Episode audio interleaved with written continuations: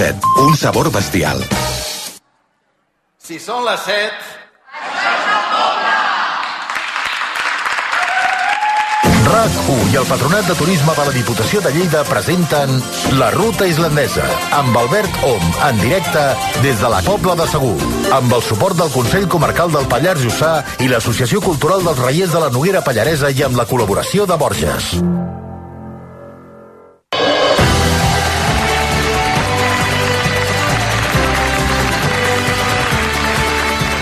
Tarda. Bona tarda, això és la Pobla, això és la Pobla de Segur. Maria Xinxó, bona tarda. Bona tarda, Alberto. Avui molt contents que sigueu aquí, perquè avui hem de dir que és un programa molt especial, aquest. És el programa número 1499. Això vol dir que demà ve el 1500, però no, no només és especial perquè sigui el d'abans del 1500, sinó perquè avui és l'últim programa que fem fora de Barcelona. Eh? L'últim programa de la ruta islandesa i l'hem vingut a fer a la Pobla de Segur. Hem volgut que fos aquí, justament, a aquesta última parada a la Pobla de Segur, al Pallars Jussà, perquè des d'avui i fins diumenge hi ha la diada, aquesta festa dels Reiers, i ens venia molt de gust ser-hi.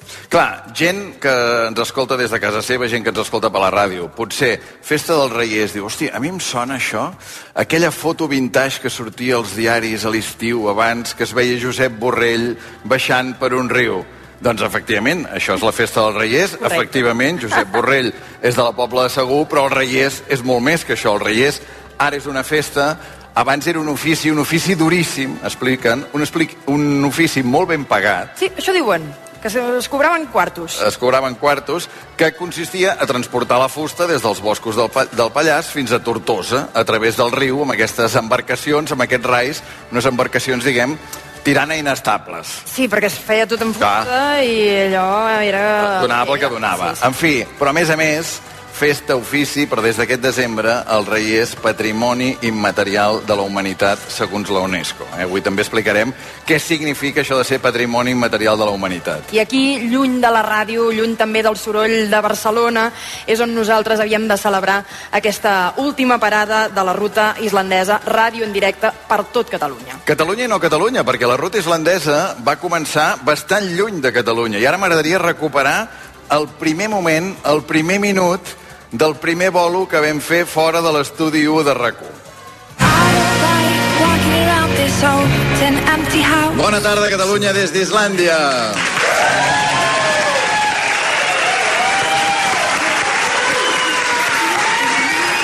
Aquí, aquí són les 6 de la tarda, aquí hi ha molt ambient, ja ho sentiu, us saludem des de Reykjavik, la capital més al nord del món. Pell de gallina al recordar aquell moment i que el xulo i que brutal que el primer bolo, la primera sortida, fos a Islàndia. Sí, m'ha impressionat això, la capital més al nord del món. Sí, sí, i, Sempre i busques ser una dada sí. així punyent. Punyent. En tot cas, aquest era el primer minut de la ruta islandesa. L'últim, fins ara, va ser a Palamós, al Teatre La Gorga, davant de més de 400 persones que feien molt goig aquell teatre, i a més a més teníem la veu inconfusible i de la nostra estimadíssima Marina Rossell. Ella l'amor d'una partisana morta per la llibertat. Ella l'amor d'una partisana morta per la llibertat. Així era l'últim minut de l'últim vol de la ruta islandesa fins avui, que avui estem fent ràdio en directe des de la Pobla de Segur. Hem fet, eh, ho hem comptat aquests dies, hem fet 46 bolos, que n'hi diem, 46 programes fora de l'estudi 1 de RAC1, 18 han sigut a Barcelona, 26 per tot Catalunya, i n'hi ha hagut dos, els que recordàvem abans, que els hem fet a Reykjavik, a la capital més al nord del món. Exacte, tinc més dades, eh? En nou a les comarques de Girona, quatre a Girona Ciutat, Platja d'Aro també, Castell d'Aro, Lloret, Calonja i Palamós. Sí, ha anat tot molt repartit per Ventanilla, eh, com la loteria, perquè, mira, a les comarques de Lleida també han sigut set bolos, dos a Gramunt, un a Taüll, un a Terradets, al Pallars Jussà també, com aquí, Tàrrega, Aitona i avui la Pobla de Segur. I a Barcelona en vam fer set, dos a Manresa, les comarques de Barcelona, dos a Manresa, Vic, Vilanova, Esparreguera, Montsant Benet i també Gisclareny. Gisclareny, sí senyor. I a Tarragona n'hi han hagut tres, hem fet Reus, hem fet Valls i hem fet la ciutat de, de Tarragona. En total, aquesta ruta islandesa hem fet 5.739 quilòmetres a 15 comarques diferents de Catalunya. Això aquí sí que no contem Islàndia, eh? No comptem No. Reykjavik, això, no. eh? Però has comptat els d'avui? Els que He comptat els d'avui. Els d'avui els de tornar, ja. Ah, sí? Ja els he comptat, ja estan He comptat que convocats. tornaríem, per més bé que estiguéssim aquí, que hem de tornar, no? En principi hem de tornar, que demà en tenim un altre eh, a l'estudi de RAC1. Exacte, demà tenim el 1500, sí, sí. En tot cas, hem fet ràdio a llocs molt diferents. Recordo, per exemple, el Gran Teatre de la Passió d'Esparreguera, amb 700 persones a la platea, o a una terrassa d'hotel, abans ho dèiem, quan vam tornar a venir aquí, al Pallars Jussà, aquí al costat, a Terradets, i va passar això. Esteu situats, eh? A la nostra dreta la piscina, estem drets aquí, a la nostra esquerra l'embassament de Terradets i el Montsec. Aquest és l'escenari. Però clar, si mirem amunt, per exemple allà, clar, és que això és un hotel. Sí, jo crec que avui, potser... Hola. Hi ha una senyora a la terrassa que li han fotut la migdiada en l'aire. Ah, no. M'anava a dutxar. Perfecte, perfecte. O sigui, una senyora, us heu d'imaginar, a la terrassa, al segon pis, a l'hotel El Terradets, no? Diu, hosti, vaig a dutxar-me, veig que comença un programa de ràdio, Ho espero. no es va dutxar. No? Ha passat un any, no sé si avui és aquí aquesta senyora, no sé, esperem, diguem, que en aquest any sí que li hagi donat temps, diguem, de dedicar-se a l'higiene i no només a la ràdio, no? Deixem comprovar el públic d'avui, no? a veure ja si la dutxa és una cosa que aquí a la zona Ah, no sí. es porta, no sé, eh? Va. Per exemple, no sé, um, vostè, um, quina és l'última vegada que es va dutxar? Pues ahir mateix. Ahir, eh? Avui no. Sí, sí. Avui no, avui no. Ahir per la nit. Ahir, ahir a la nit. Bueno, Sí, és, del, és dels nocturns, dutxa nocturna. Exacte. Sí? Aquí tots és dutxa nocturna? Oh. Oh, ah. Home, ara hi hauria bastanta gent que es dutxaria, eh, aquí dins, perquè... Sí, fot- fot calor, eh? Aquí Fot na, calor. avui havíem de fer un programa a l'aire lliure, eh, ha començat a ploure, el cel amenaça més pluja encara, hem dit, saps què? Tanquem-se, entrem a dins... A cobert. I aquí estem eh, fent el programa a dins, amb aquest corrent d'aire, amb les finestres obertes, i, i aquí estem. Bé, el primer convidat d'avui eh, em fa molta il·lusió començar amb ell. Per què? Eh, en primer lloc, perquè havíem estudiat junts a l'Autònoma, eh, a Bellaterra, periodisme, però no és el motiu principal.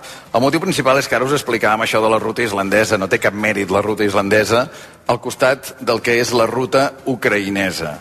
És un periodista del Pallars, és un periodista de TV3, molts anys a TV3, enviat especial a Ucraïna, i es diu, encara que haguem de saludar a la distància, jo crec que es mereix l'aplaudiment de tots els seus veïns. Ell és d'Isona, del Pallars, és el Lluís Caelles. Lluís, bona tarda. Què tal? Bona tarda. Com va? Com esteu?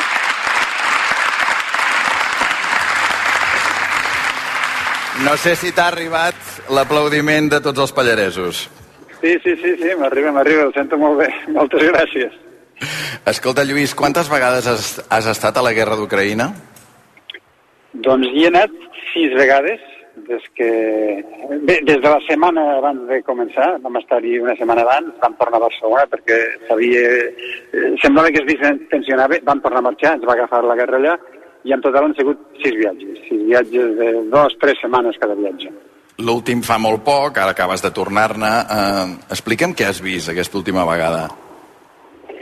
Doncs eh, hem vist eh, un conflicte, una guerra cada vegada més enquistada, cada vegada més, eh, més, més concentrada, més intensa, més densa, eh, amb, amb els fronts més estabilitzats, amb zones que van quedant buides de gent, buides de vida, eh, que les altres vegades potser trobaves que hi havia una població on encara la gent mirava de quedar-s'hi amb el dubte de què passarà, ara aquest què passarà ha deixat de ser un dubte, s'ha convertit en un infern, la gent ha marxat, i per tant el que hem vist és el dolor que hem vist cada vegada i la destrucció amb aquesta franja que hi ha vora el pont, ja, el pont ja de, de manera absoluta.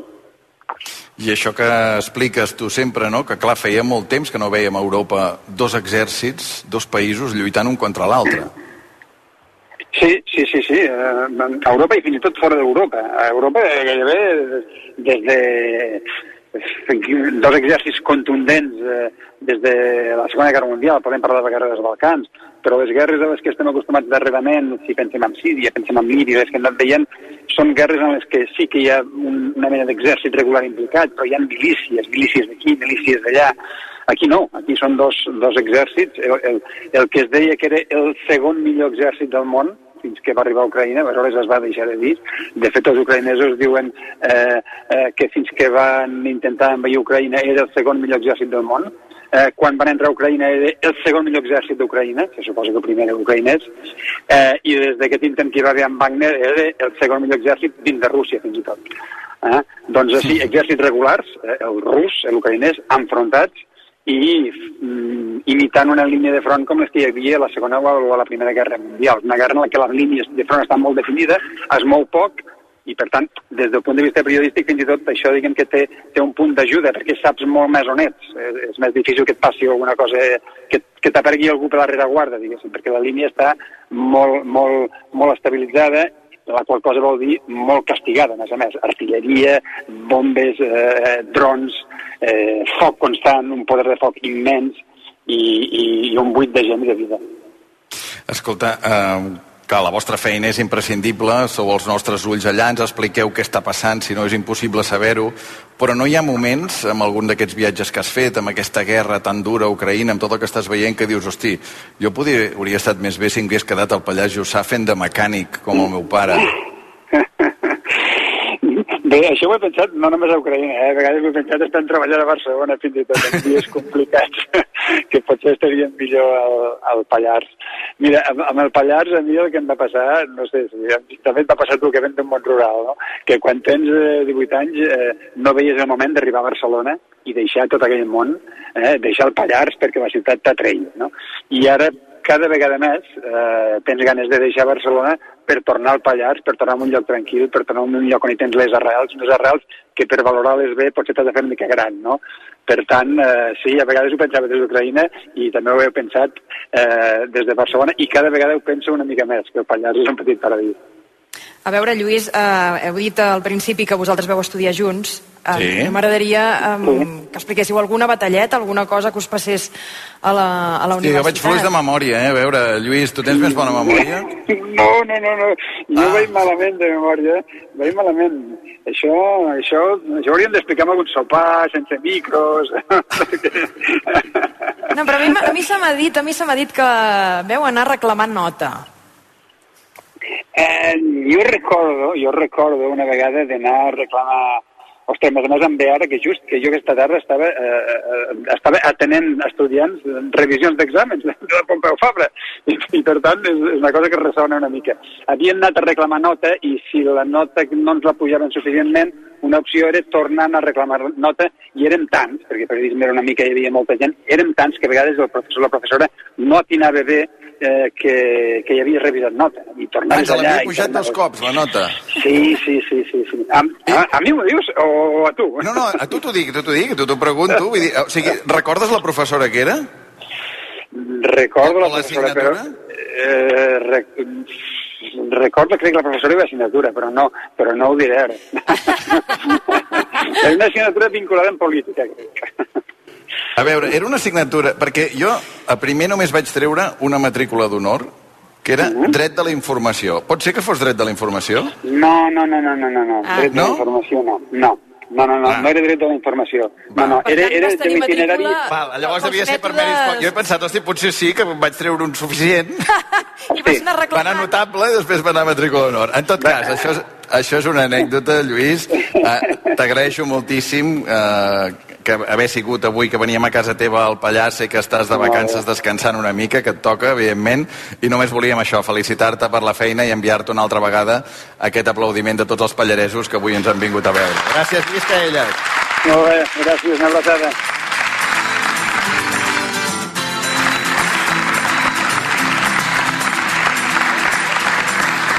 Bé, les 7 i 13 minuts en directe avui la ruta islandesa a Ràdio per tot Catalunya. Ens ha portat a la Pobla de Segur.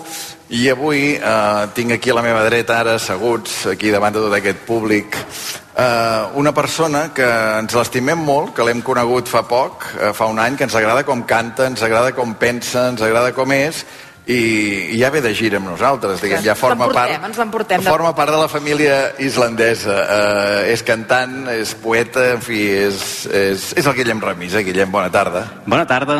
Gràcies tal? per tornar a Islàndia. Moltes gràcies per haver-me convidat. Estic molt content d'estar aquí amb vosaltres. Ara fa un any va ser Gisclareny, eh, el poble més petit de Catalunya. Sí, sí, sí, hosti, un dia ben especial. Molt bé. I avui has arribat aquí i has triomfat, perquè, escolta, m'ha vingut la Bel del, de la C13 i diu és el Guillem Remisa? T'ha sortit assajant? Diu, hosti, és que l'estic buscant perquè vingui a tocar. Sí, casualitats de la vida. Passen aquestes coses a vegades. Uh, bé, molt content d'estar aquí, la veritat. Um, o sigui, quan em vau dir el lloc, no era conscient de lo lluny que era de casa meva. I avui, mentre anava venint, anava pensant, hòstia, realment està lluny, eh? Quants quilòmetres... Bueno, qu- quantes hores has tardat? Sí, més de dues hores segur. Bueno, Clar, perquè, a veure, tu vius a l'Esquirol, Sí, la a comarca d'Osona. Tu ets de Roda, vius a l'Esquirol, Sí, sí, sí. i llavors fins aquí, doncs, sí, des de Barcelona també és això, eh? Sí, dues hores i 18 minuts. Eh, dues hores i vuit minuts? 18, 18. Ah, 18 minuts, Sí. 18 minuts. Bé, jo, em sembla que hem batut una mica més el rècord, no? Bueno, perquè tu vas més ràpid que el Marc. El Marc, eh, Bravo, no el tinc, el Marc Ferragut. Uh, obeint totes les normes que faci falta. Bé, ha passat un any des de l'última vegada, Guillem Remisa, uh, i t'han passat moltes coses bones. Tens un calendari de bolos aquest estiu espectacular, estàs a punt d'actuar a Barcelona també el, el setembre. Jo et vaig sentint a Spotify, només vaig veient que, Que creixen el, que creix el nombre d'oients. Sí, sí, um, la vida té això, eh? A vegades passen coses bones i no te les esperes perquè ha vingut d'una forma molt atzerosa tot això. Mm, la gent ho ha començat a conèixer ha començat a conèixer unes cançons que realment ja feia bastants anys que jo havia publicat, perquè les que funcionen a Spotify són del 2016, i en un moment en què jo ja pensava que això no... no eh, eh, que, que jo, evidentment, anava fent material nou i música nova i ho seguiré fent i tal, però ha estat molt curiós que passés això i que la gent anés coneixent, es anés fent gros. Jo també ho mirava amb una certa perplexitat tot plegat i bé, molt bé, content Clar, és que tinc, a veure si els trobaré, però tinc la llista de bolos teus aquest estiu i, clar, no sé si tu te'ls saps o no, però mira, comença ja això, eh? Comença a principis de juliol, 2 de juliol, Sí. Roda de Ter, Cornellà de Terri, eh, Subirats, Hostalets de Pierola, l'Espluga de Francolí, Figueres, Manlleu, Mollerussa, Santa Maria d'Oló i al setembre a la nau a Barcelona. Aquest, aquest ens fa molta il·lusió. Ara aquests dos mesos hi ha molta activitat, realment, i encara n'haig d'afegir uns quants més perquè havia d'actualitzar el calendari i comencem, com dius, aquest diumenge comencem a Roda, llavors eh, n'hi van havent mm, no sé, un parell per setmana, més o menys. I al final, al setembre, el 29, fem aquest a Barcelona, que aquest és important per nosaltres perquè ens el produïm nosaltres mateixos i va, ens fa molta il·lusió. Ens anem enamorant de cançons diferents del Guillem Remisa. Avui, per acabar, farà l'arbre ple de flors, que és una cançó preciosa. Però per començar, clar, hi ha una cançó que es diu Tot serveix una mica. Sí. Què rius? No, bé, ja em va sobtar molt que em proposéssiu aquesta. Per què? perquè és una cançó mig de broma que jo mai l'he tocat en una ràdio, mai me l'havia agafat molt en sèrio. Sí que en els concerts és un moment divertit i tal, però, bueno, bé, avui... És que a mi em dona un rotllo com l'Always Look at the Bright Side of Life, no? Una mica així, és una Ahà. cançó divertida, amb un missatge xulo, no? Que, que és aquesta vida que se'ns va fent més bonica cada vegada mm. i que, i que t'has d'omplir perquè una vida sencera, no? Sí, és curiós, la, la cançó sembla una tonteria i és més profunda del que sembla. I jo tampoc no, no és que no vaig tardar res a fer aquesta cançó. O sigui, la, la, la vaig fer com fent bromes perquè m'estava avorrint molt una tarda i per fer alguna cosa, no? Però sí que és veritat que quan admires la vida amb una perspectiva diferent, la cançó diu tot serveix una mica per passar el temps, i quan te la mires en perspectiva penses, hòstia, el pilot d'anys que té una vida i hem de fer coses cada dia. Cada dia has de trobar alguna que et faci gràcia de fer, no? I penses, vale, pues, tot el que vaig fent, hosti, té un valor, perquè està omplint una estona i... i Tot serveix una mica. Tot serveix una mica, realment, sí, sí. Fer un programa de ràdio avui aquí, fer la festa dels Reiers aquest cap de setmana, vull dir, totes les activitats que fa cadascun d'ells, que avui coneixerem moltes històries de la gent que ens acompanya a la pobla, tot serveix una mica. O sigui, per molt malament que vagi, haurà servit per passar aquest rato. Ja està. Exacte, exacte. Algo és algo. Doncs escolta, uh, comencem així, no? Ah, és important que heu de fer el coro, valen? Sí, jo dic, tot serveix una mica i heu de dir una mica, una mica, una mica... Du, du, Sí, Dues vegades hem de dir una mica dues nosaltres. vegades. Perquè Nosaltres si no... vol dir tota, tota la gent que esteu aquí, també, eh? Bueno, però ens has de guiar Els mica. ensenyareu Ens com es fa? Sí, sí, sí, a veure, intentarem ensenyar-ho. Tot serveix una mica, Guillem Remisa en directe a la Pobla de Segur. Agafa la guitarra, la Guillem, vinga, va.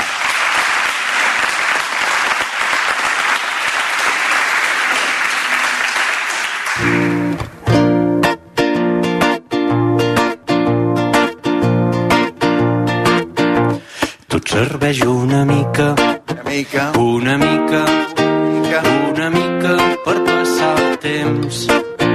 Que difícil és omplir una vida sencera. Aviam, tornem a això del cor. serveix una mica, Una mica,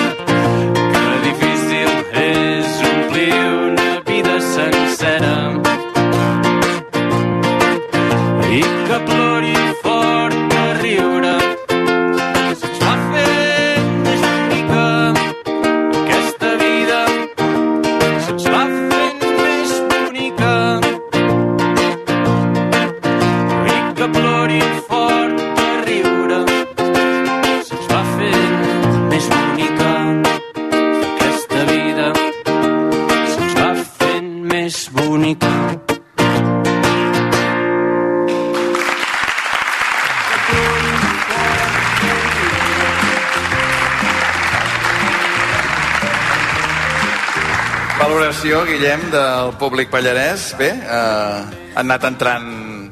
Molt bé, molt bé, molt espectacular, la veritat. Molt bé, molt bé. Es nota que vol tornar. Després tornem a sentir el, el Guillem Remisa. Hi ha hagut una persona que jo l'he vist donant-ho tot, no donant una mica, sinó el que més crec que ha cantat una mica és el tinent d'alcalde, eh, que el tenim aquí de la Pobla de Segur, el Nacho, Nacho Doll. Bona tarda. Bona tarda. T'ha agradat, eh, la cançó? Sí, sí, sí, sí. Però creus que podria ser una, una actuació també de cara a festes d'aquí de la I Pobla? tant, i tant. Soc com el poble, molt participatiu. I tan parci- participatiu, però el que feu vosaltres aquí al poble és eh, ajuntar, diguem, totes les festes. Ara mateix és com el prime time, Sí. eh, la, la, la temporada més alta, perquè el cap de setmana passat, les falles. Sí. Ara, el Reiers, la festa dels Reiers. A finals de juliol, l'últim cap de setmana, tenim la, La festa festa, major. No ho podíeu espaiar una mica més? No. no. Quan comencem ha d'estar tot en marxa i en funcionament i després ja anirem, perquè tenim una comarca, i ja anirem als pobles del costat a participar i a ajudar-los amb el que convingui. A veure, quina és la bona d'aquestes tres festes? Ara, ara, ara, Oh, quin és Hi ha la tria de a quin hem de venir. Si som de fora, quan hem de pujar a la Pobla? Pues heu, Ara de, ningú... heu de demanar tres setmanes de vacances i pujar fixos les tres setmanes, perquè les tres festes són importants. A nivell de reconeixement eh, més gran potser seria Reiers, després vindria els Falles, que també a nivell de comarca és molt potenta, i la festa major pues, és la, la festa del nostre poble i, i la disfrutem i la gaudim al 100%. Nacho, una pregunta. Tu ets el tinent d'alcalde. Uh, L'alcalde on és? Eh, li hem donat uns dies de relax perquè un home que ho viu tot tan intensament que a l'acabar les eleccions i tot el tema aquest d'aquí per poder agafar empenta i sortir fort a partir de dissabte, que dissabte ja torna a estar aquí. Va, o sigui, va ser guanyar i marxar a vacances. Exacte, exacte. Diu, ja ho farà, ja ho farà el Nacho. Això, Exacte, exacte. això tinc un bon equip, com Eh. serà que... Com serà que... La veritat és que sí, que juguem amb equip. Que sí. Una cosa volia referenciar que parlàveu de que d'on heu vingut aquí hi ha dues hores i quart, quan nosaltres anem d'aquí cap allà també hi són, eh? Us ho dic, eh? Molt bé.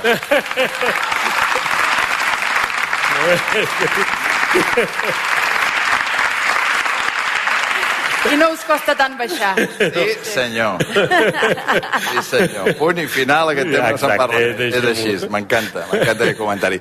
Escolta'm, eh, abans jo deia això, no?, que hi ha gent que segons està escoltant i diu el Reiers, aquella imatge vintage que jo deia... Sí. Ho recordes, això, Nacho? Que sempre sortia la foto de Josep Borrell, no?, baixant amb un rai al- als diaris d'estiu, eh? Sí, sí, corríem al costat, les jovens corríem al costat perquè no caigués o no, no passés cap cosa d'ell. Escolta, ara eh, hi ha hagut una... Veu organitzar una consulta per veure si canviàveu el nom del passeig Josep Borrell per 1 d'octubre. Uh -huh. És una consulta no vinculant, que hi va participar poca gent, menys d'un 10% de la gent que hi ha a la Pobla, però va guanyar clarament canviar eh, i posar el nom de 1 d'octubre. Sí. Però el mes de març, com ho teniu, això? Bueno, està en temes jurídics perquè és més complex de, que, de lo que sembla poder canviar un nom amb un, amb un carrer que ja ja estan tots els pisos i tot està entrat a registre i no, no és fàcil. De moment està amb el tema jurídic perquè ens expliquin una miqueta com... com Ah, llavors, si, si et preguntés si d'aquí un any tornem, creus que es dirà Josep Borrell o 1 d'octubre d'aquí un any? Ui, jo, si sapigués això, no estaria sentat aquí. Que pallarès que és això, eh? No ens deixarem entendre, no? que l'alcalde ens està escoltant. Si pregunta-ho a l'alcalde, això. Exacte. Bé, a la meva esquerra tinc la Marta Llubic. Marta, bona tarda. Hola, bona tarda. La Marta, eh, de l'Associació Cul- Cultural Camboleta, eh, paraules pallareses, reivindicar una mica el, el, el parlar d'aquí, no? el parlar del Pallars. I portes una samarreta. Primer de tot, explica'm la samarreta aquesta que portes. Sí, que al públic també hi ha un senyor que he vist que la porta, eh? La mateixa, sí, senyor. Ai, sí, és veritat. Mira, dues persones que van la mateixa samarreta que posa fer supo supo. Exacte. Va, tothom Tradu- fa que sí amb el sí, cap. tradueix. Eh, Llavors, pels que no som del Pallars, què vol dir fer supo supo? Fer supo supo vol dir trobat sobtadament amb algú o alguna cosa de manera inesperada. Eh?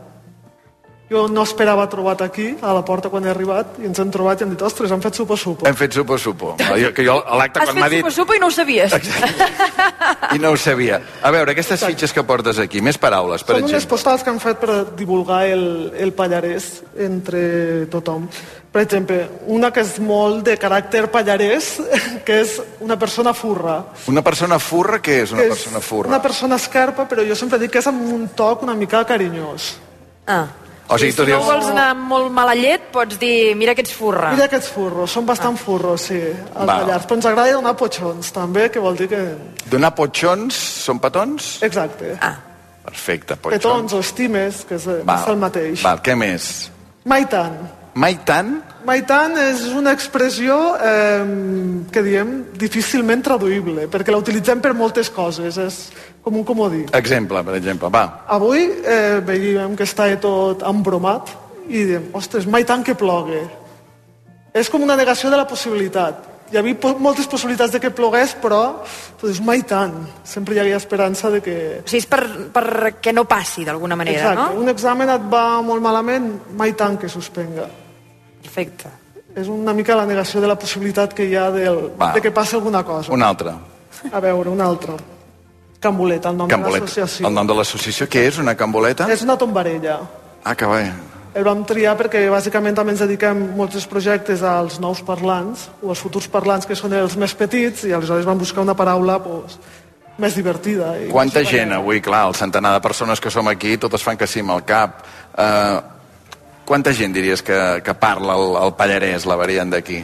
Ostres, doncs molt pocs. Sol que mirar els habitants que som als dos Pallars Mhm. i dels habitants que hi ha als dos Pallars, que, ostres, no em voldria equivocar, eh, però potser són 20.000, no ho sé, eh, no, no ho he mirat.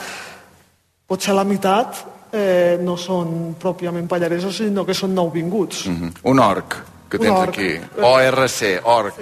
Si t'ho diuen, no, no faigues molt bona cara, eh? No? Ui, ui, estan No. rient molt, eh? No pinta És una bé. persona de tracte difícil, eh, estranya, esquerpa. Mm. Que no n'hi ha al Pallars. N'hi ha molts, n'hi ha molts. per això hi ha la paraula, no? Perquè, perquè si no, no n'hi ha Si molt. ja hagués desaparegut la paraula. I és la feina que esteu fent des de Can Boleta, doncs intentar, doncs, eh, diguem, divulgar, fer arribar el pallarès que no es perdi a través de samarretes, a través de fitxes, a través de sobres de sucre també veu Sí, fer, no? sí, sí, em portava uns a la bossa. Bueno, després vos ensenyo. Fantàstic. Doncs escolta'm, gràcies, Marta, gràcies, tinent d'alcalde, Nacho. Vols fer una acabar amb una, po- podem acabar amb una paraula Ah. molt del, de la Pobla de Segur? Sisplau. Molt relacionada amb aquests dies. La paraula espardenyar, que la utilitzaven molt els reiers quan arribaven al mar, eh, anaven amb el calçat típic dels reiers que era l'espardenya i doncs s'havien de donar pressa per tornar a pujar i doncs diuen espardenya espardenya fort o... i fins i tot tenen una caminada popular o una cursa que es sí. diu l'espardenyada L'espardenyada, no? Que és... és Caminar. Dèiem caminar, Caminar però, ràpid, però, però- amb alegria, no? Exacte. Vinga, espardenyant. sí, sense no? dormit Doncs va, espardenyant a publicitat. A.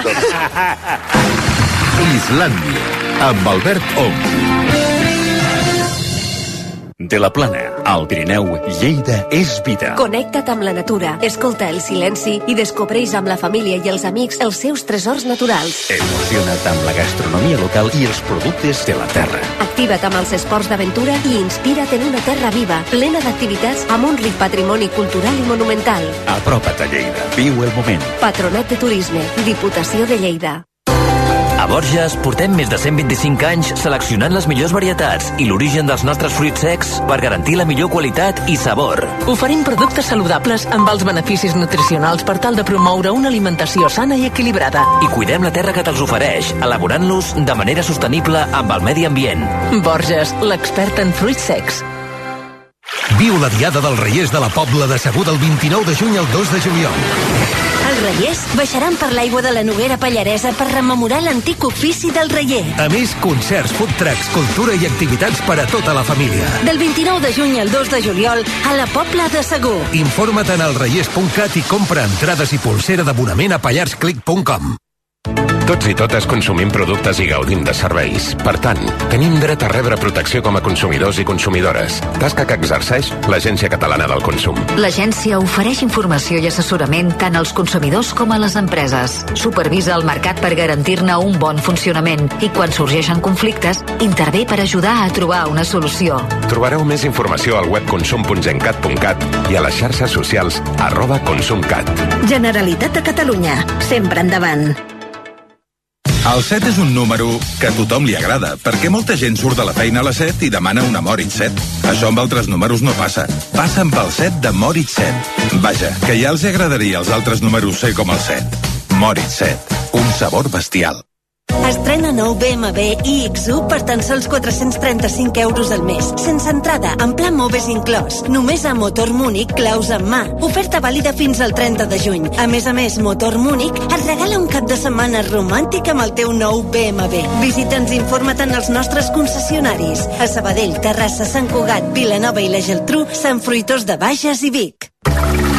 RAC1 i el Patronat de Turisme de la Diputació de Lleida t'estan oferint la Ruta Islandesa amb Albert Om, en directe des de la Pobla de Segur, amb el suport del Consell Comarcal del Pallars Jussà i l'Associació Cultural dels Reiers de la Noguera Pallaresa i amb la col·laboració de Borges.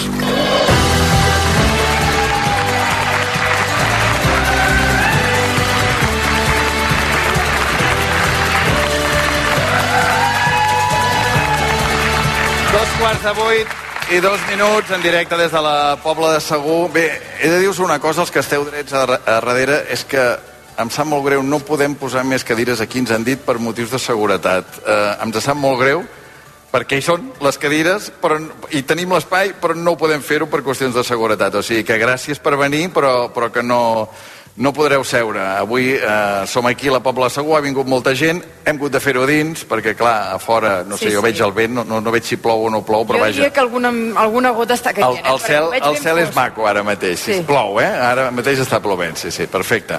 Bé, Eugeni Rosselló, bona tarda. Bona tarda. Com estàs, Eugeni? Ara t'engegaran el micro i et podràs sentir tot Catalunya, ja veuràs. Eugeni, Ara, sents? Em sentiu? Se sent, se sent, Sí? fluixat, però se sent. Ah, doncs perfecte, estic molt bé. estàs molt bé, perfecte. Eugeni, eh, tu ets un atleta d'ultrafons. Bueno, de muntanya, més que ultrafons. Eh, M'agrada molt la muntanya i em dedico, a part del meu negoci, pues, amb això també. Estic amb una marca americana, en Black Diamond, i faig curses per tot el món. Explica'm que vas intentar fer el camí de Sant Jaume. No, bueno, Sant Jaume no... Bueno, sí, Sant Jaume. Bueno, Santiago, sí, sí.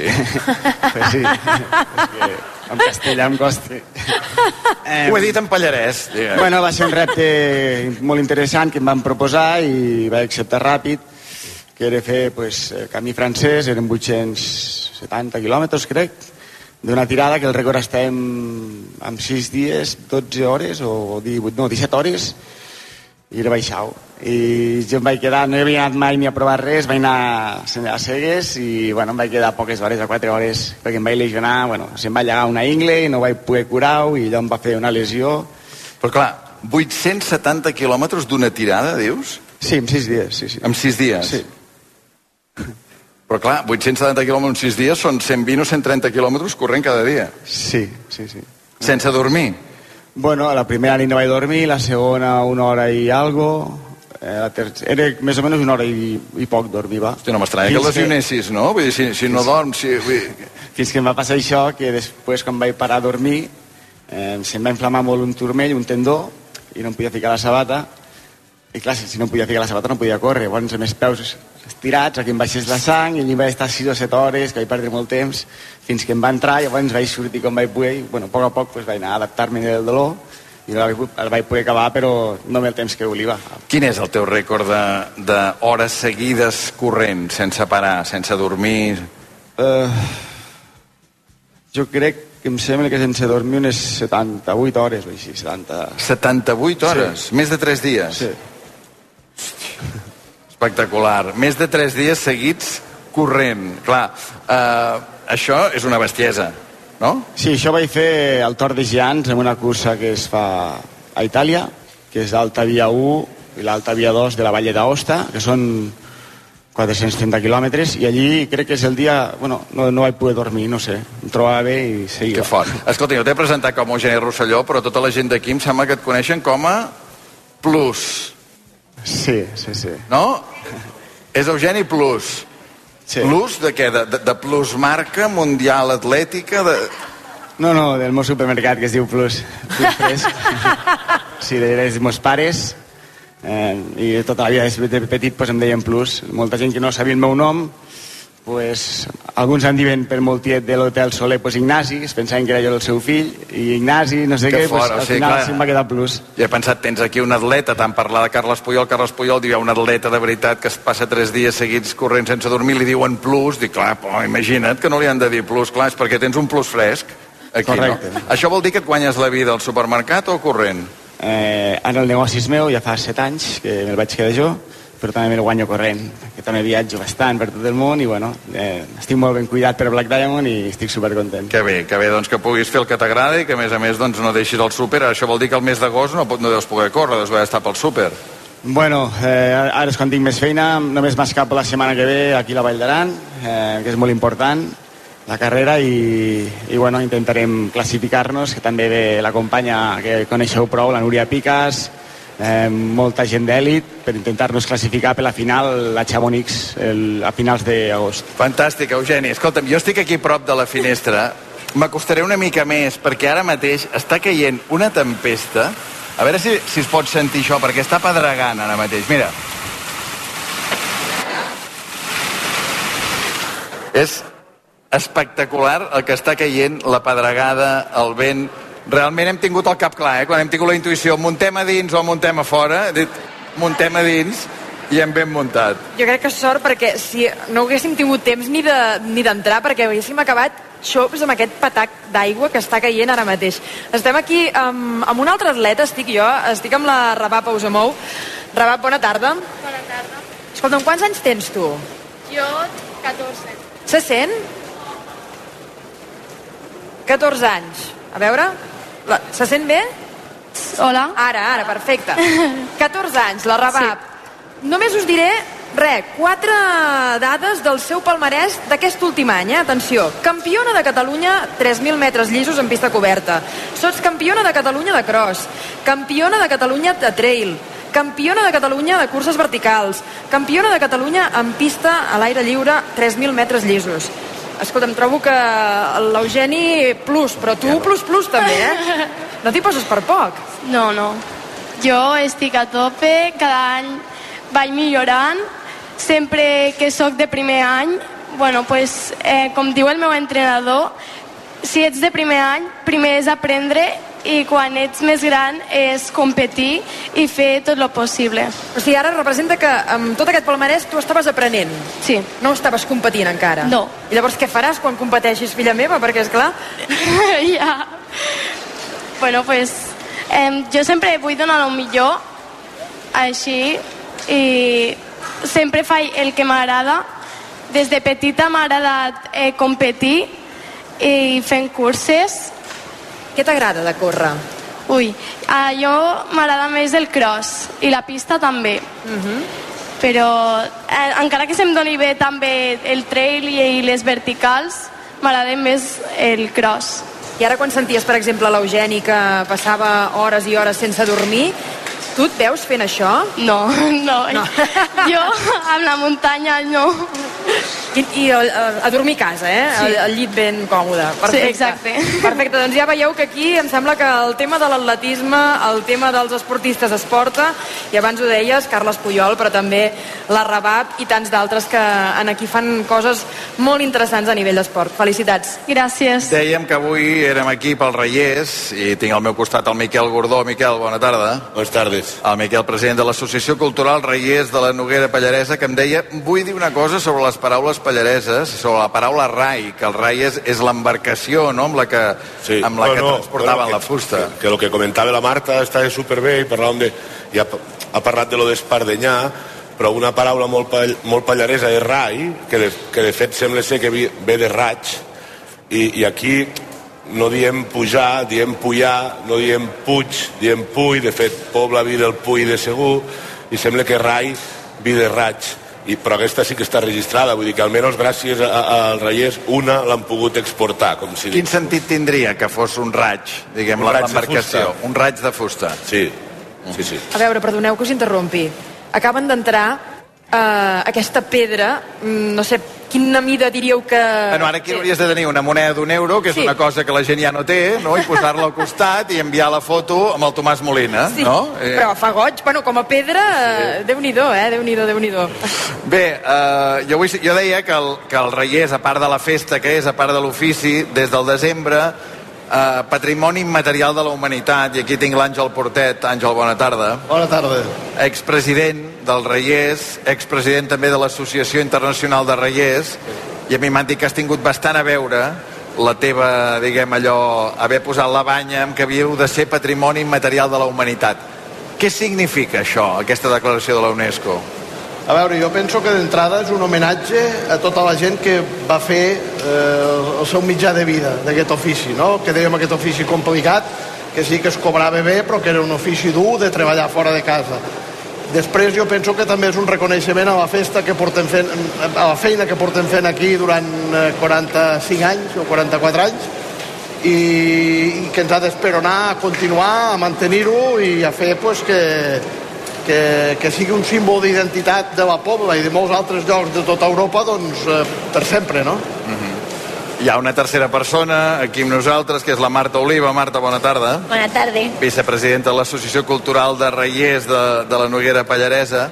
Escolta'm, deixa'm que et pregunti abans de res per aquesta tempesta. Això és habitual, que ens estem trobant aquí aquestes Pues sí. tardes d'estiu, sí? Aquests últims dies ha fet alguns ruixats similars, però aquestes pedres tan grosses ara espanten una mica. Home, això si t'enganxa en ple rai, eh, no sé pas què passa, eh? Esperem que no. Esperem que no. Esperem que va, no. ens va passar una vegada a Itàlia, eh? al riu Piave a Itàlia vam tenir, a més baixàvem gravant un programa de televisió sobre un rai, vam tenir una tempesta, potser sense pedra, però una cosa espectacular, i és el que dieu, eh? no, et pots, no et pots posar sota del lloc.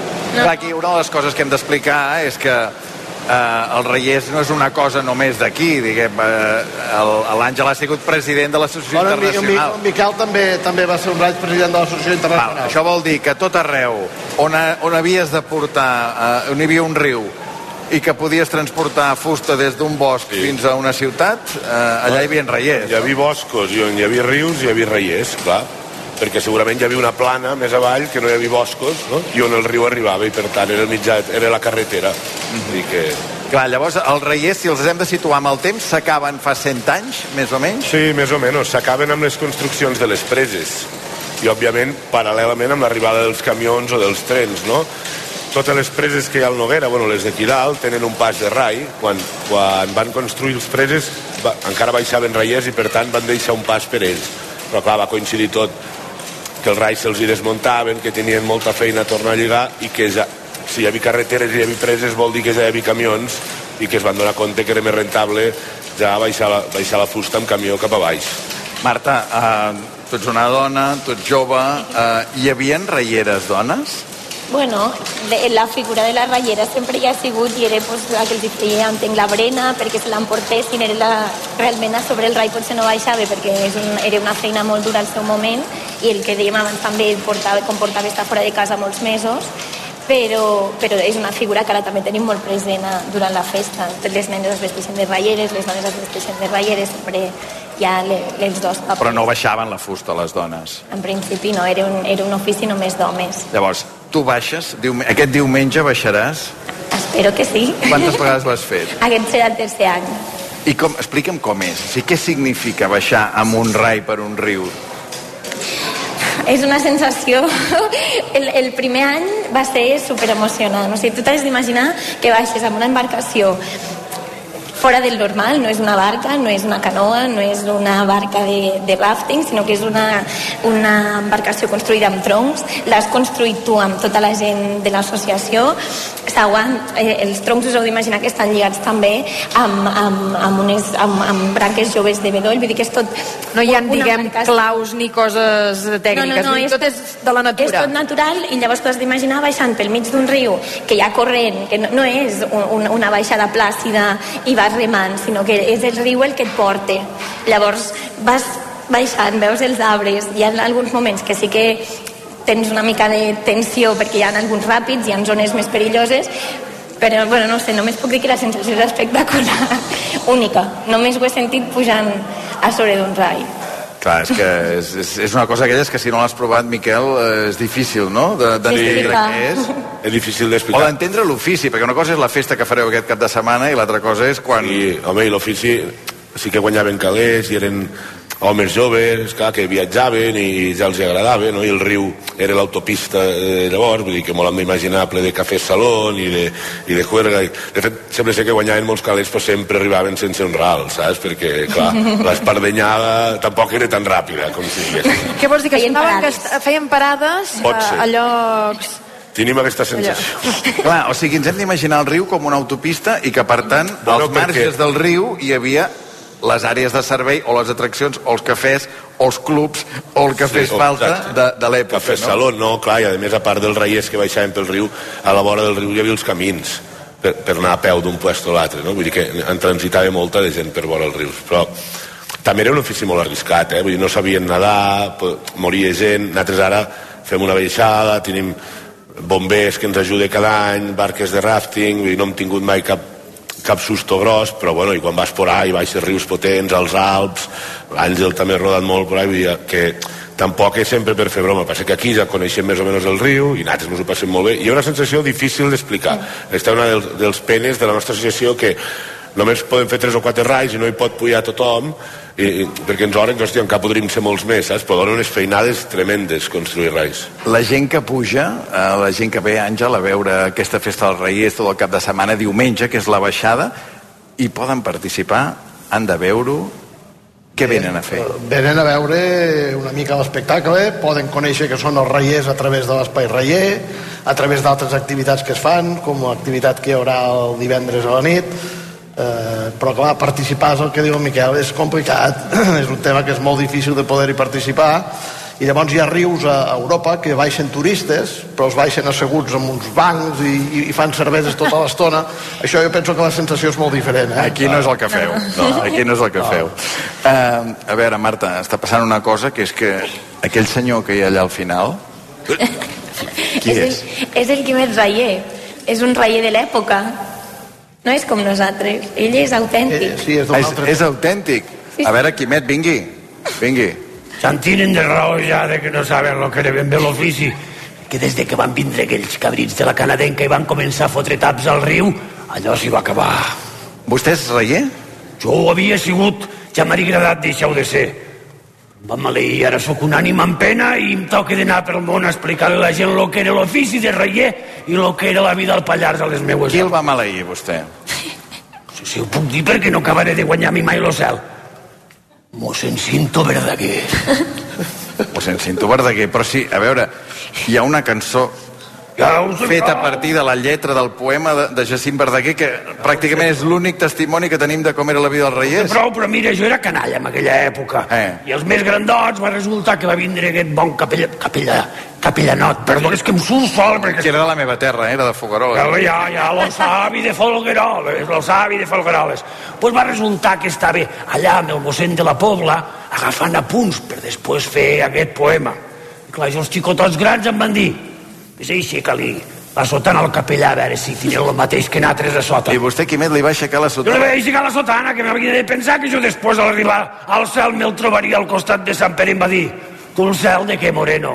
Tu cap a baix, a furgar les teues culpes, fins que no tothom sàpiga el, el que són els reiers i la vida al Pallars, que déu nhi de la dureta que hi ha. Doncs per això és aquí vostè avui. A veure, uh, estava dient aquí el Miquel que hi havia cafès salons, hi havia, que el reier sí que treballàveu i que cobràveu calés però que us els gastàveu tot pel camí. Ah, la, a veure, també et diré que no tota la culpa la teniu amb nosaltres, eh? Que els fustaires eren els primers que mos pagaven el sopar i el cafè els cafè, perquè després mon anéssim por ahí a les cases de Lleida, que era la primera parada grossa. Les cases de Lleida. Les cases, no em feigues parlar, no em feigues parlar, que n'hi havia com jo que eren casats, per l'amor de Déu. I allí, doncs, ho fèiem tot, jo, mira, jo estava enamorat. Sempre que baixàvem per la font de les Bagasses, allà a Terradets, que era allà on s'obria el món, La font de què, perdó? de les Bagasses. Ah. Ara ple de bagasses. Sí, sí, encara, encara a dia d'avui encara posa font de les Doncs Hi bagasses. havia, una, hi havia una noia morena que em sembla que era de Jaén, que li diuen la Rosita. I jo cada vegada que baixava amb el rai li diva, Rosita, aquest viatge que fotre calés, de pujada mos casarem. Pots contar que quan tornava a pujar espardenyant ja no n'hi havia de calés. La Rosita sense calés no em volia saber res de reiers. Vostè pujava espardenyant. I tant. Clar, perquè quan arribaven a baix amb tota la fusta deixaven el rei allà i llavors com tornaven cap aquí? Pensa que l'únic que pujava amb carro o amb tartran era el rem, que s'havia de conservar per de tres viatges, però tots els altres pujàvem espardenyant. A peu? A peu, sí. Des de Tortosa? Des de Tortosa, vols que et diga? Lo que érem els reiers del Segre i de la Noguera, pocs hi arribaven fins a Tortosa perquè la gent que venia de les conques de l'Ebre portaven fusta més bona que estava més necessitada. Nosaltres, la majoria dels viatges, almenys a la meva època, ens quedàvem a Lleida i malament si haguéssim tingut que estar més dies espardenyant, potser mos havíem quedat per allà. Un aplaudiment pel Quimet Reyer.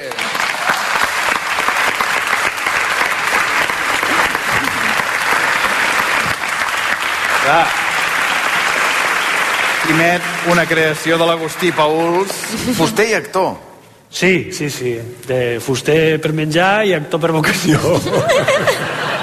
Els, els reiers eren tots com, com el Quimet o què? Eh, Clar, ens hem de situar, eh, que estàs, No, estàs parlant de- un personatge de fa 120 anys. Pues hem de situar l'època i també et diré que a l'hora que tu planteges un personatge, possiblement les coses més nostrades i les més bones ja surten als llibres, mentre que tot això està a la memòria popular o en molts d'altres llibres, i et diré que fent teatre i patrimoni possiblement faigues molt més atractiu els personatges explicant, explicant aquests clars i foscos que no pas amb el que és... Escolta, que hem parlat, molt, hem parlat molt del poema de Jacint Verdaguer, que hi ha la cançó, la cançó del reier, que és com un himne, no?, pràcticament per vosaltres. Sentim-lo una mica. Soc fill dins un rai nasquí, m'esposa és reiera, reier vull morir. Soc fill del Noguera, dins d'un rai nasquí, m'esposa és reiera, reier vull morir. El poema és preciós, eh? És un poema realment preciós. És tot sencer perquè parla de, pràcticament de tot, el, de tot el viatge fins a mar. Clar, perquè una cosa és les cançons que se n'han fet, l'adaptació del Pont d'Arcalís, per exemple, i l'altra cosa és el, el sí, poema. tot el saps? poema és preciós. És preciós, és preciós. On te'l trobem, aquest poema? Saps a quin, quin llibre del... sembla que està a Pàtria, A que és Pàtria, un recull... a De Pàtria. fet, va vindre aquí a informar per fer Canigó, però no, el poema del Reier no, no el van editar fins al recull del poemari de Pàtria. Però clar, com que llavors li vas aixecar les faldilles, el Quimet doncs va Sí. passar el que va passar. Escolta'm, Reiers, que tingueu una gran festa aquest cap de setmana. Gràcies per, per conservar viu aquest homenatge a l'ofici. Ara tornem.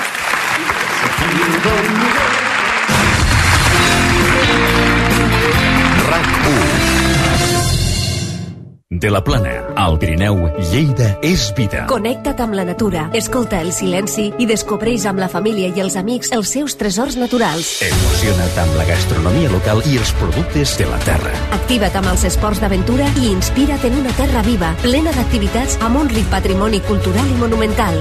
Apropa't a Lleida. Viu el moment. Patronat de Turisme, Diputació de Lleida.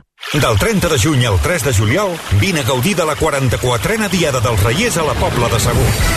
Amb gincana tradicional reiera, cursa de muntanya, espectacles, balls de nit, baixada pel riu Noguera Pallaresa i una llista d'activitats tan llarga com el riu. Recorda, 44a Diada dels Reiers. Tradició, emoció i alegria a la Pobla de Segur. A Borges portem més de 125 anys seleccionant les millors varietats i l'origen dels nostres fruits secs per garantir la millor qualitat i sabor. Oferim productes saludables amb els beneficis nutricionals per tal de promoure una alimentació sana i equilibrada. I cuidem la terra que te'ls ofereix, elaborant-los de manera sostenible amb el medi ambient. Borges, l'expert en fruits secs. Allí on la brisa del mar t'acarona, on pots descansar a l'ombra dels pins, refrescar-te en platges d'aigües transparents i recórrer camins de muntanya infinits. Descobreix la Costa Daurada més natural. Descobreix l'Hospitalet de l'Infant i la Vall de Llors, on el mar es fa muntanya.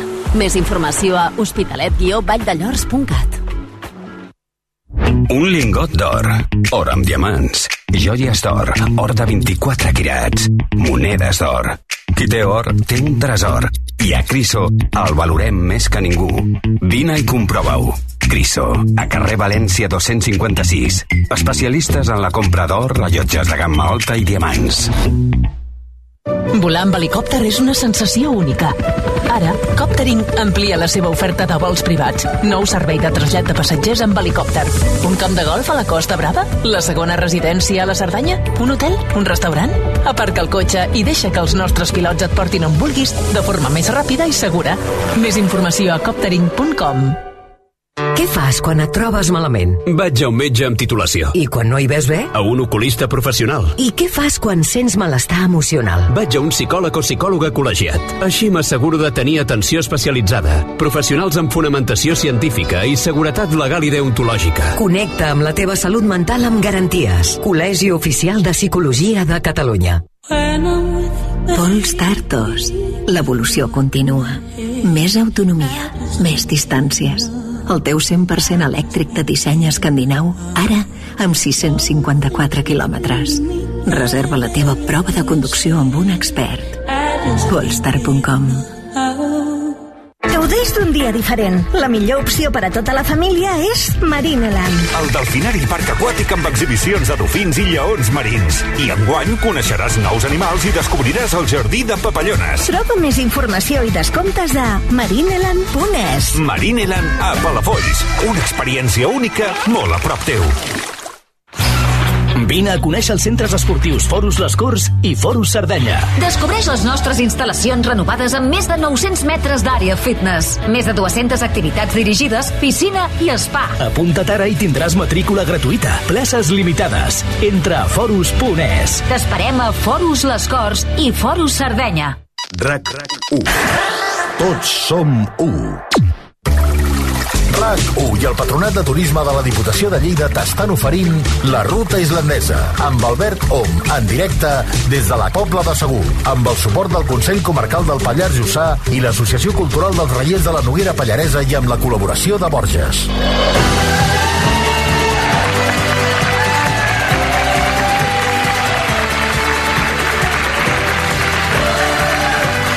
Tres minuts i arribem a les 8 des de la Pobla de Segur, última parada de la ruta islandesa fora de Barcelona. Uh, bé, uh, ha, passat, ha passat el temporal, ha passat una tempesta aquí. Tomàs, bona tarda. Bona tarda. El Tomàs Jordana, 75 anys, ramader, tota la vida? Tota la vida. I ja ho veies a venir, que plouria avui, que plouria així? He entrat amb paraigües. Ah. Sí, perquè les que són pastors o ramaders hem d'anar preparats sempre. Pel, pel ploure i pel sol. Clar, però tu has baixat de la Vall Fosca. Sí. I quan baixaves ja dius... Sí, sí, ja estava preparant-s'hi. Ja ho veies, eh? Sí. I allà dalt no sé el que he fet. Quin bestiar tens, ara? Ara tinc vaques. Quantes? A lletans, uns 140, entre dues explotacions, i, i després tinc el que em queda del ramat dels ovelles, unes 38 ovelles. N'havia tingut 900. El que passa que el, la meva esquena ha dit prou i llavors he tingut que, que fluixar. Ha sigut la teva esquena o... o No, no, la- l'esquena, si no, perquè si no haguéssim continuat. Sí. Sí, sí. Clar, perquè anava a dir, clar, això de les ovelles també ha canviat, perquè la llana... La llana no té cap preu, ni regalada. Però, no, no, te la, no te la venen a buscar. No la venen a buscar? No, ni la venen a buscar. Però abans foties calés amb la llana, no? Sí, sí, sí. Abans, mm, antes, quan si me feia la, la, la, la tosa la, la, la, del xollà, les cases que feien bona, bon, bon, bons força quilos de llana eren rics per tot l'any. Sí? Sí, sí. Clar, perquè es feia servir la llana per tot, no? Per, o sigui, per les vestits que portàvem eren de llana, les samarretes de llana, que quan eren noves picaven molt. Ara us ha fotut el Decathlon, no? Sí, més o menys. Sí. Bueno, perdona, és així, no? Tota la roba tècnica aquesta que no pesa tant com, com pesaven els jerseis de llana, els forros polars, no? Sí, sí, tot va, ha, anat evolucionant. I ara no la volen, la llana, per res. Res, no, no, la, la tenim de fa dos anys i l'última eh, la vaig entregar i li, li vaig dir, dic, te la dono al que el va vindre a buscar dic, i si tens una mica de vergonya d'aquí un temps em donaràs alguna cosa. No he tornat. El Tomàs Jordana, ramader, 75 anys, tota la vida a la Vall Fosca. A quin poble? Estell. Estell.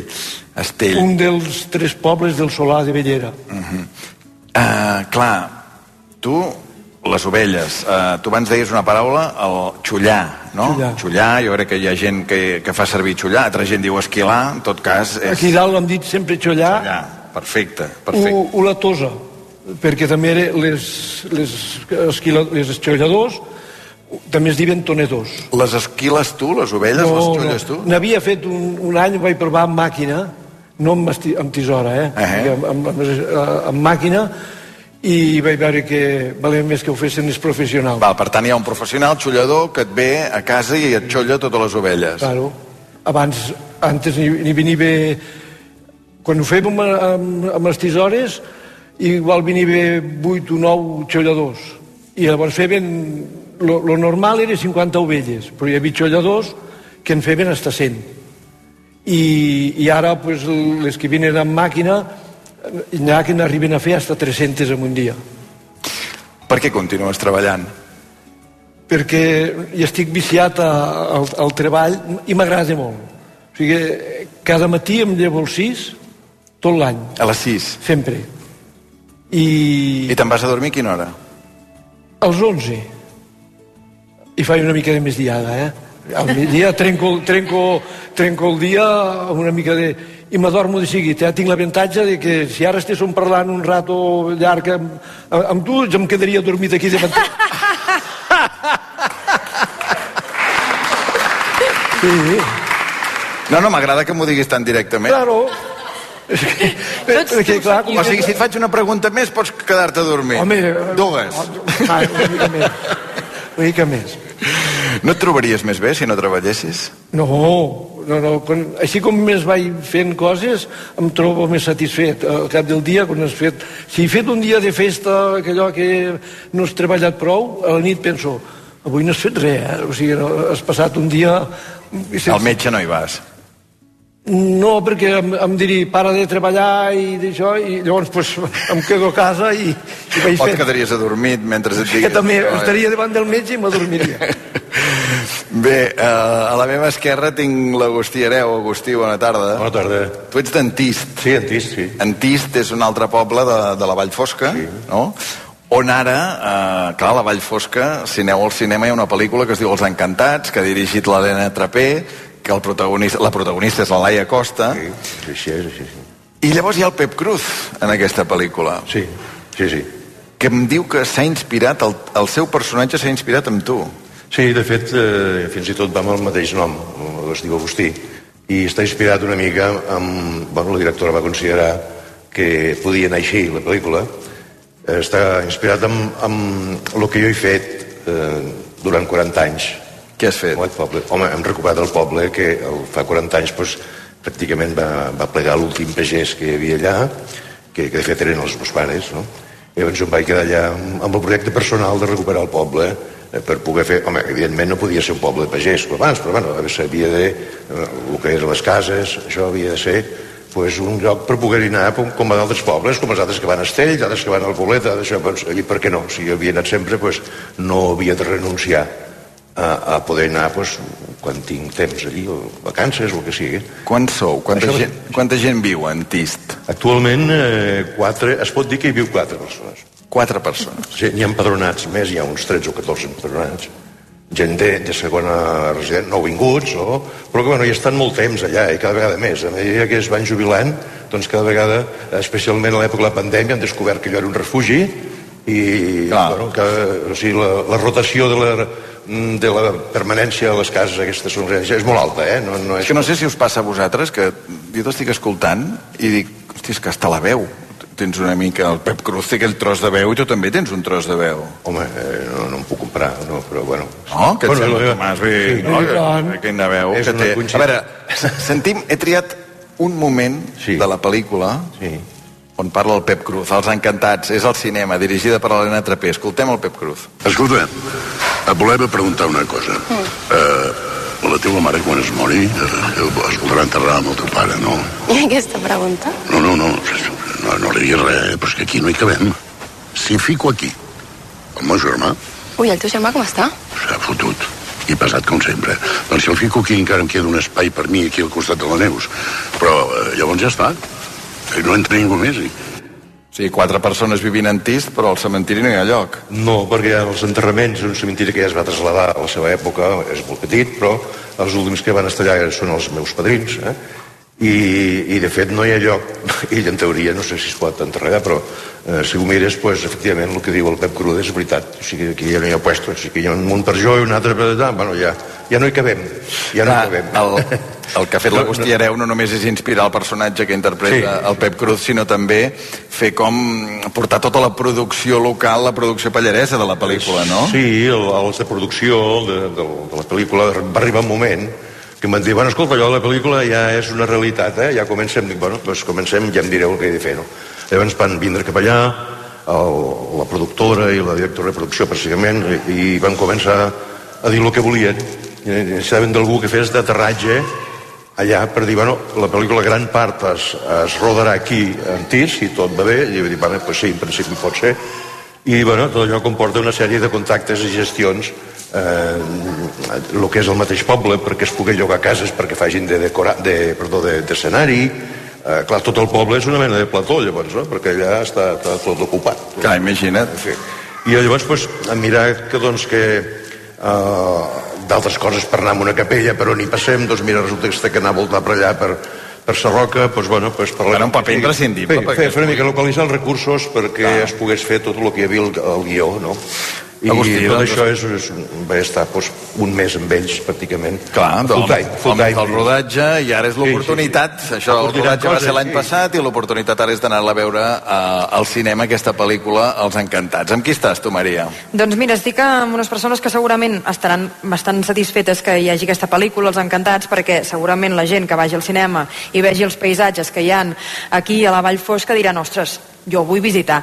Sílvia Coll, tècnica de turisme de l'Ajuntament de la Torre de Capdella, bona tarda. Hola, bona tarda. I també el Jordi Palau, director de la Reserva Nacional de Caça a Bonmort, bona tarda. Hola, bona tarda.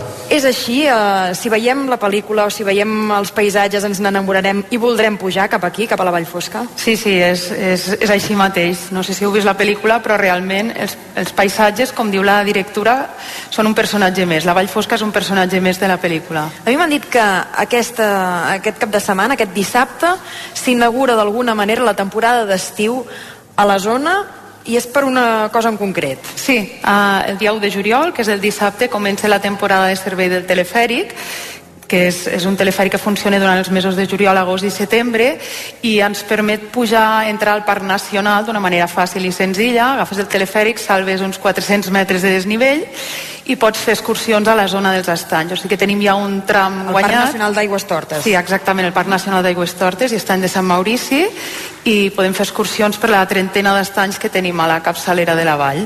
Què té a veure aquest telefèric amb les hidroelèctriques eh, que, que hi ha aquí també? Doncs és com la, la part última, de la- l'última central que es va construir a la Vall Fosca, la central reversible de Sallente. Per fer-ne la construcció van necessitar transportar material i van instal·lar eh, aquest telefèric. Llavors aquest telefèric és molt especial perquè pot, transformar, pot transportar molt pes, fins a 21 tones. De fet, ha transportat un camió, segur que fins i tot hi pot haver gent d'aquí que ho hagi vist. Eh, I llavors ara transporta gent té un ús turístic, per tant, quan la gent pregunta eh, què pot caure, que és complicat, dic no, dic que és, és realment eh, molt complicat perquè està preparat per portar moltíssim pes, justament per això també passa unes revisions molt, molt complexes i, i per tant és, un, és una atracció. I a més a més això fa que també sigui un telefèric lent. Tu vas fent el recorregut amb temps pots mirar si hi ha un cabirol. Si, va, si puges a, al matí a la primera hora a les 8 per exemple doncs veuràs algun cabirol realment és una cosa molt, molt especial. Això ens porta justament cap a la Reserva Nacional de Caça Bou Mort, perquè en allà, de cabirols, en teniu bastants. Aneu bé, no? Allà? Aneu allí, servits. allí és un espai important per lo que és la fauna salvatge i, i hi ha cabirols i, i encara hi ha més cèrvols, que és potser l'espècie que, que ha fet més popular a la, a la reserva o un dels elements més coneguts. Si ens acostem a la reserva, que a banda de- d'aquest de, del, dels cabirols, deies també el, els cèrvols. Hi ha un moment que és clau, que és la brama, m'han dit. Sí, el, potser podríem dir que la temporada més alta per visitar la reserva de Beaumort no és, el, no és a l'estiu, eh, que és l'època de- típica de turisme al Pirineu potser, sinó que és realment quan s'acaba l'estiu, quan comença a refrescar una mica o a ploure una mica, s'activa una mica tota la, la biologia del cèrvol i és l'època que hi ha un espectacle que ens ofereix la natura, que és la brama del cèrvol. És l'aparellament? És l'aparellament, els mascles bramen eh, per, per marcar una mica doncs, el, el territori, per mirar de- d'atreure i mantenir els grups de femelles i, i és un espectacle sonor eh, i, i, i si va amb algú que t'ho pugui ensenyar o, o la gent que té l'habilitat de veure'ls doncs també és un espectacle visual no? Digue'm altres eh, espècies que, que trobarem en aquesta reserva natural, no? Si, si, si anem, si anem a treure el cap, què ens hi podem trobar? Bé, un, un grup seria els, els herbívors, doncs, com són el, el cèrvol, el cabirol, també hi ha una petita població d'isard, que està més al sud del, de la zona principal del Pirineu, però després l'altre grup de- d'espècie potser més destacada són els voltors, els ocells rapinyaires en general i, i els voltors en particular, amb la singularitat de que la reserva de Beaumort és l'únic lloc de tota Europa, de tot el continent, on, on crien les quatre espècies de voltors que, que, que hi ha a Europa en el mateix espai natural. I això és així eh, gràcies a tot un treball de conservació que s'ha anat fent durant molts anys d'aquestes espècies. Una és molt abundant, el voltor comú, que està, no, no, té, no té amenaces, però després n'hi ha altres que s'han recuperat i n'hi havia una que faltava perquè s'havia extingit a nivell de tota Catalunya, que és el voltor negre, i, I aquesta recuperat. espècie s'ha recuperat a la zona i ara mateix hi ha l'única població que hi ha a Catalunya d'aquesta espècie, del voltor negre, i, i, i això fa que tingui aquesta circumstància de, tan singular per la fauna salvatge. Tinc el Tomàs encara al meu costat, el Tomàs Jordan, el ramader, que he pensat, hosti, dic, si el fas estar gaire estona aquí, que no s'adormi, però aquest tema t'interessava. No, eh? quan s'hi parla de fauna, ah. se'm posen els pèls de punta, que no en tinc, però és igual, se'm posen els pèls de punta. Perquè els anaves comentant tots, eh? I anaves dient sí, i llavors quan ha arribat a Isars dius, Isars pocs. Isars pocs. Pocs. I, i en veuen molt poca gent. Han de, han de pujar molt cap, al, cap al cap de la muntanya. Tu n'has vist. Hombre, i tant, i tant. Principalment els, els llacs que hi ha damunt a la part de Capdella, mm, els, els muros, els, els, els parets que hi ha així amb, amb, amb, amb, amb pendent, se'n paralen per allí a llepar la sal. I a vegades que en veus 10 o 12, 7 o 8, 3 o 4, però això tens l'oportunitat de veure's d'allí. Quin és l'animal que t'ha agradat més veure? Que dius, hosti, no em pensava veure'l, o la primera vegada que vas veure, i dius, hosti, mira... Jo m'agraden molt les ovelles i les vaques. Ah, clar, sí. O sigui, els altres són Els fauna. altres que es fotin. No, però vull dir que quan naix un animal bonic li tens un carinyo especial. O sigui, veus un animal que, que dius això és el que tu has treballat per, per, per, per fer-ho.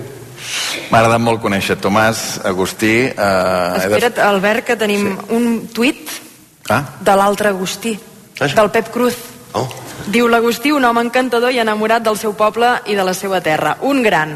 Per tant, que també ens estava escoltant des d'aquí. Doncs sí, senyor. gràcies. El Pep Cruz. Aplaudiment pel Pep Cruz. Anem a publicitat i us rematem des de la Pobla de Segur. Islàndia, amb Albert Om.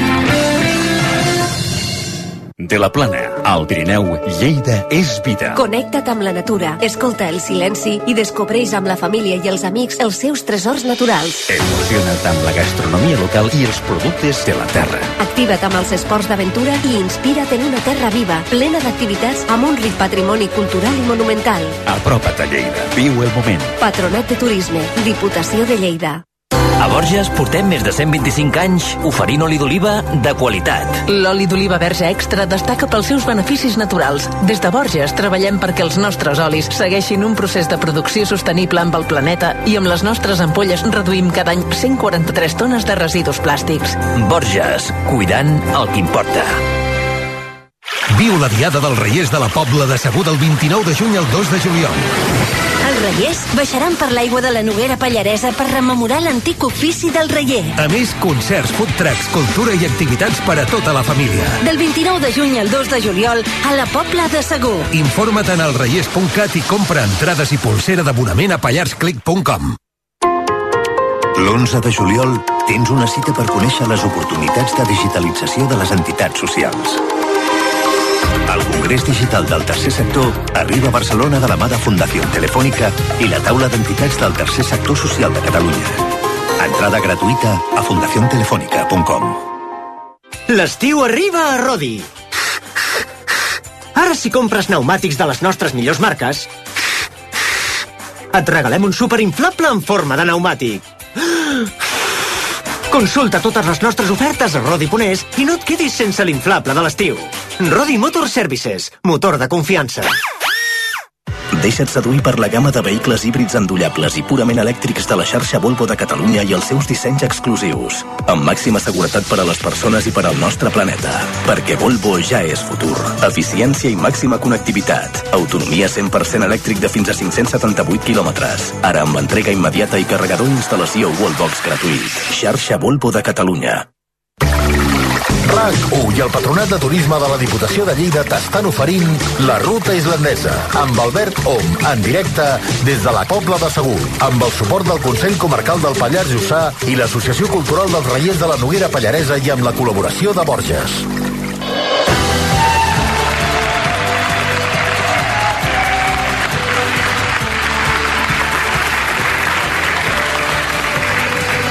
A veure, que això, clar, ens queden, ens queda una mica més de 10 minuts de programa. Però jo tinc moltes ganes de, I no sé que què ha passat. Hem anat a publicitat, tornem, ha aparegut una taula aquí al mig de l'escenari, una taula que sembla del McLaren, no? Sí, però això ha aparegut així, bum, Sí, Sí. està tapada així amb un llençol negre. un llençol negre Sí. i llavors hi ha dues ampolles de vi, dues de cervesa...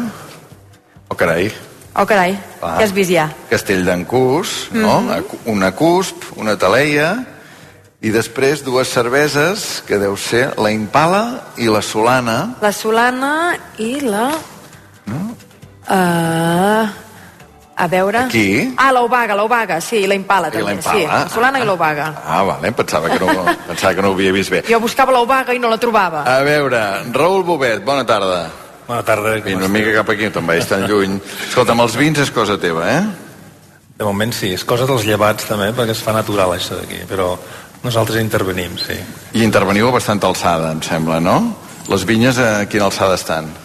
Doncs pues mira, estem a, des de 1.230 fins a 800 metres. Sí.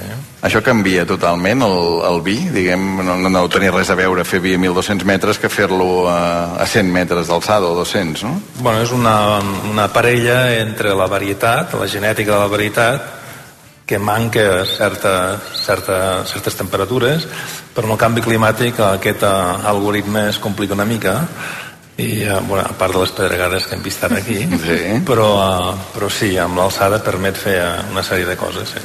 Bé, això és pel que fa al vi, que ara farem el tast també de... el tas d'aquest vi, però tenim les cerveses. Tenim les cerveses i tenim l'Abel Sánchez de la cerveseria C13.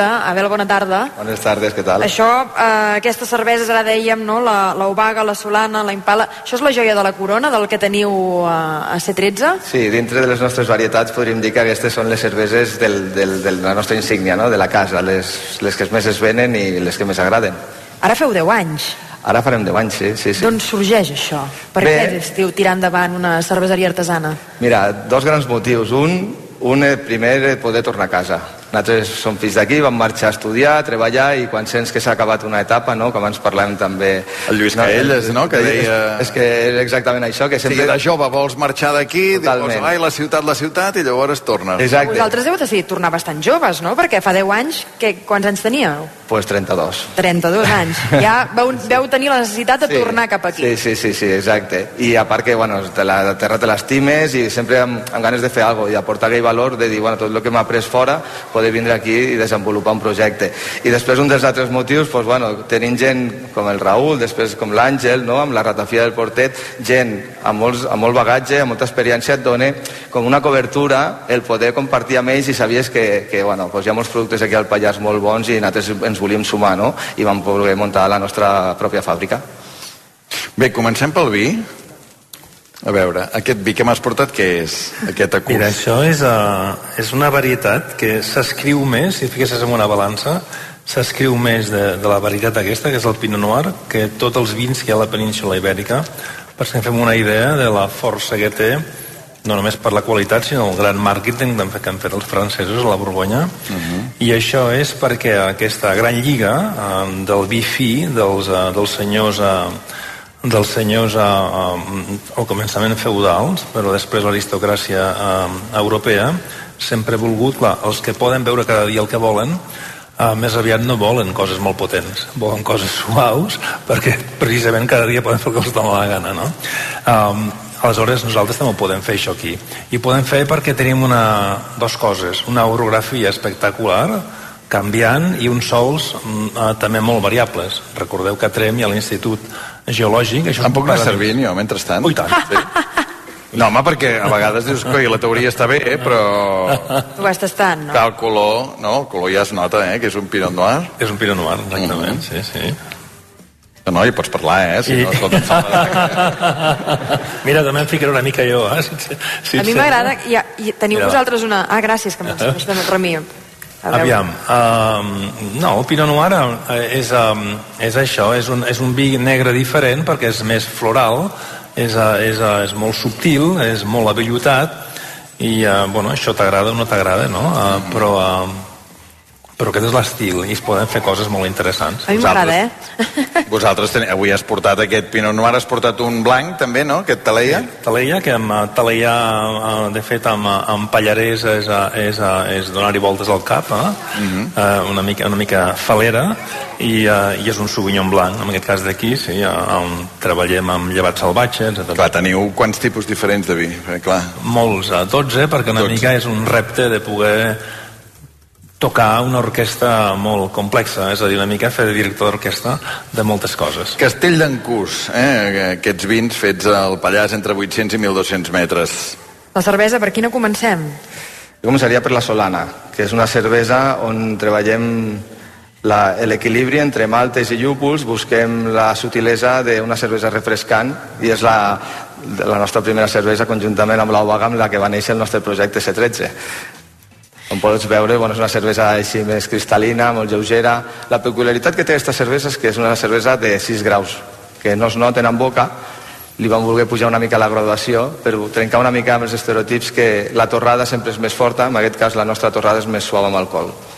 Oi, és boníssima. Amb aigua d'aquí. Amb aigua d'aquí, que és una de les coses que també ens va, va voler eh, tirar cap a fer la fàbrica a la Pobla, pues, poder treballar amb una aigua de, del Pirineu, que és, al final és el 95% de la cervesa, Doncs una mostra del, dels productes, de la creativitat que hi ha aquí de, des del punt de vista dels vins, del Castell d'Encús, aquestes cerveses que feu a C13, que feu també de dinamitzadors culturals de la zona, que tu t'has fixat amb el Guillem Remisa. Sí, sí, sí. Ah, ja el vull fitxar, Bueno, ja t'ho he dit, és que ha sigut molt bo perquè ja justament estàvem en contacte amb el Guillem eh, que tenim coses pendents que fer quan ens hem pogut conèixer avui en persona, o sigui que molt contents. O sigui que, que està fitxat, no? Que haurà de tornar el, el viatge des de l'Esquirol cap aquí. Aviat el veurem aquí a la Pobla en directe. Doncs dèiem això, no? que hem fet aquest tas de cerveses, de vins, també parlàvem d'aquesta ratafia no? que, que, que hi ha aquí, d'aquest licor, de molta d'activitat que hi ha al, al Pallars. Acabem amb música, això, Guillem? Som-hi, perfecte, i tant. Què, explica què faràs, explica... Um, faré l'arbre ple de flors, si us sembla bé. Sí? Ja està tot dit, no? Bueno... Uh... És una cançó preciosa, aquesta. Sí, aquesta no? t'agrada, Ens en vam enamorar ràpid, també, d'aquesta. Aquesta cançó jo n'estic molt orgullós, realment. És una cançó que quan la vaig fer m'emocionava molt de fer i, bueno, mira, sempre que me'n fan triar una, doncs aquesta m'agrada fer-la. Doncs fantàstic per acabar els últims minuts d'aquest últim bolo de la ruta islandesa fora de Barcelona. Guillem Remisa, l'arbre ple de flors.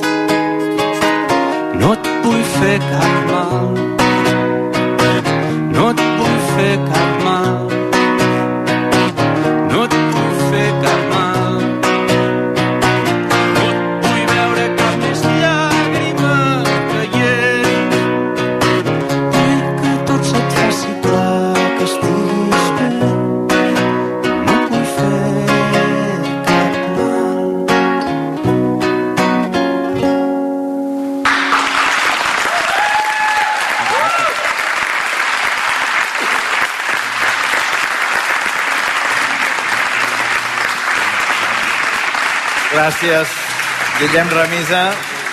A vegades fer ràdio serveix també per això, per poder conèixer gent com el Guillem i ajudar d'alguna manera doncs, a que més gent pugui conèixer la seva música, la seva manera de fer, de pensar, les seves lletres, que a nosaltres ens agraden molt. Per tant, un plaer que hagis vingut avui Moltes aquí. gràcies.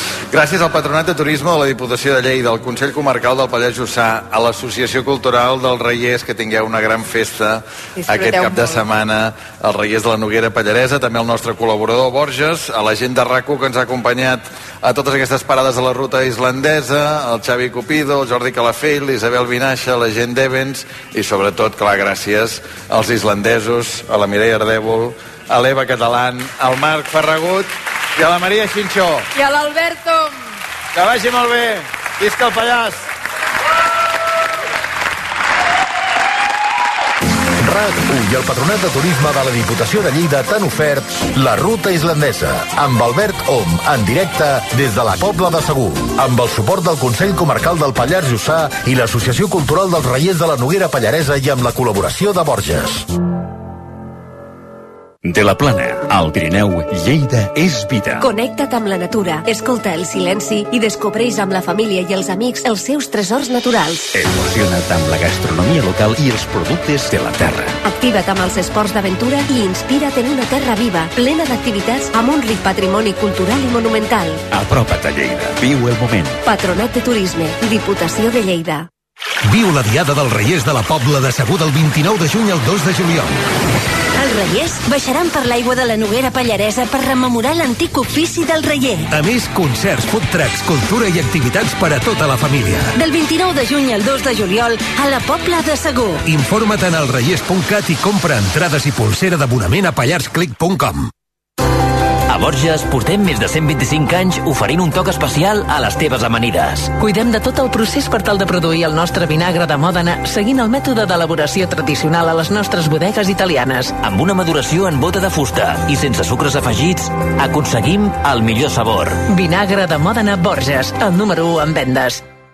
Descobreix la Catalunya del 1871 i 72 a través de la càmera del fotògraf francès Gilles Zenot. Una mirada inèdita i vibrant d'un període essencial de la nostra història. Aprofita aquesta oportunitat única per connectar amb el passat i explora les imatges que en revelen el llegat de la Catalunya del segle XIX. La Catalunya de Gilles Zenot, del 8 de juny al 3 de setembre, al Centre KBR Fundació Mafre, a tocar de la Torre Mafre. Si et vols canviar un aprenentatge immersiu, millorar la teva competitivitat de cara al mercat laboral o canviar una experiència acadèmica que prioritzi la part pràctica, Work to Change. Entra a eaebarcelona.com i comença el canvi amb els nostres màsters i MBAs. EAE Business School. We make it happen. Estrena nou BMW iX1 per tan sols 435 euros al mes, sense entrada, en pla Moves inclòs. Només a Motor Múnich, claus en mà. Oferta vàlida fins al 30 de juny. A més a més, Motor Múnich et regala un cap de setmana romàntic amb el teu nou BMW. Visita'ns i informa't en els nostres concessionaris. A Sabadell, Terrassa, Sant Cugat, Vilanova i la Geltrú, Sant Fruitós de Bages i Vic. RAC 1. És el president Joan Laporta. Què tal? Bona nit. Bona nit. Mira, hem viscut una lliga històrica. Sergio Busquets. Hola, què tal? Bona nit. Hola, bona nit. Vull viure una experiència nova, una experiència familiar. Us saludem des d'Eindhoven i donem ja el tret de sortida d'aquesta programació especial. Joan Capdevila. No us ho dic jo, és que ho ha vist tothom. Hem sigut perjudicats clarament. Oriol Romeu. La idea de joc a mi m'encanta, me sembla molt atractiva i molt bonica. Tant de bo a la tercera vagi la vençuda, no, Sara? Sí, cualquier partido es nueva historia. Cada dia, a dos quarts d'onze, tu ho diràs, amb Aleix Pariser. RAC 1. Tots som 1.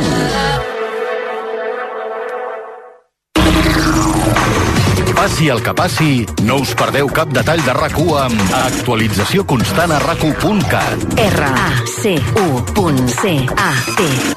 RAC1.cat, el portal de notícies de RAC1.